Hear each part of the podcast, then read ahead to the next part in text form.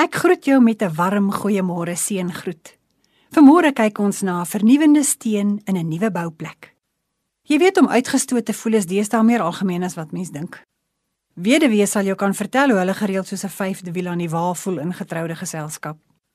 Singles probeer nie eers inpas nie en vermy sogenaamde familiegemeentes. Iemand merk nou die dag ewe droog weg op.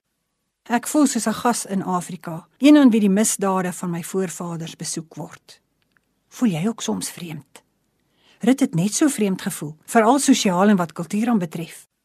Sy was 'n weduwee, sowel as 'n vreemdeling, 'n Moabiet. Sy word egter verras oor die manier waarop 'n landeienaar en plaasboer haar behandel en vra: "Waarom is jy so goed vir my en stel jy belang in my, 'n vreemdeling, 'n buitelander belang?" Rit 2 vers 10.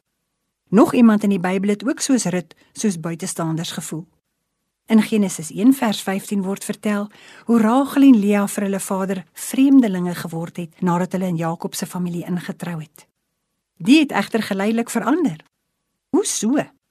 In Rut 4 vers 11 verklaar die leiers en almal wat in die stadspoort bymekaar was teenoor Boas: Ons is getuies mag die Here die vrou wat nou in jou huis inkom, soos Rachel en Lea maak wat saamgebou het aan die volk van Israel. So al drie, Rachel, Lea en Rut, moes eers vreemdelinge word voordat hulle as volksmoeders as fondamente van Israel gereken is. Die drie vreemdelinge was as jy mooi dink, nie in sulke slegte geselskap nie. Christus is ook eers verwerp voordat hy hoeksteen geword het, 1 Petrus 2 vers 4.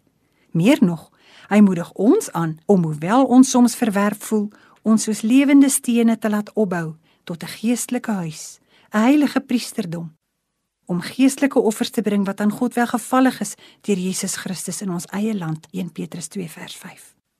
'n Veldklip word egter nie sommer 'n hoeksteen nie. Rachel en Rut was nie sonder meer sleutelstene nie. Jy het nie sonder meer altyd is jy gereed vir God se werk nie, al het jy roeping en talente. Bouklippe in ons land word uit 'n klipgroef of steengroef gesny.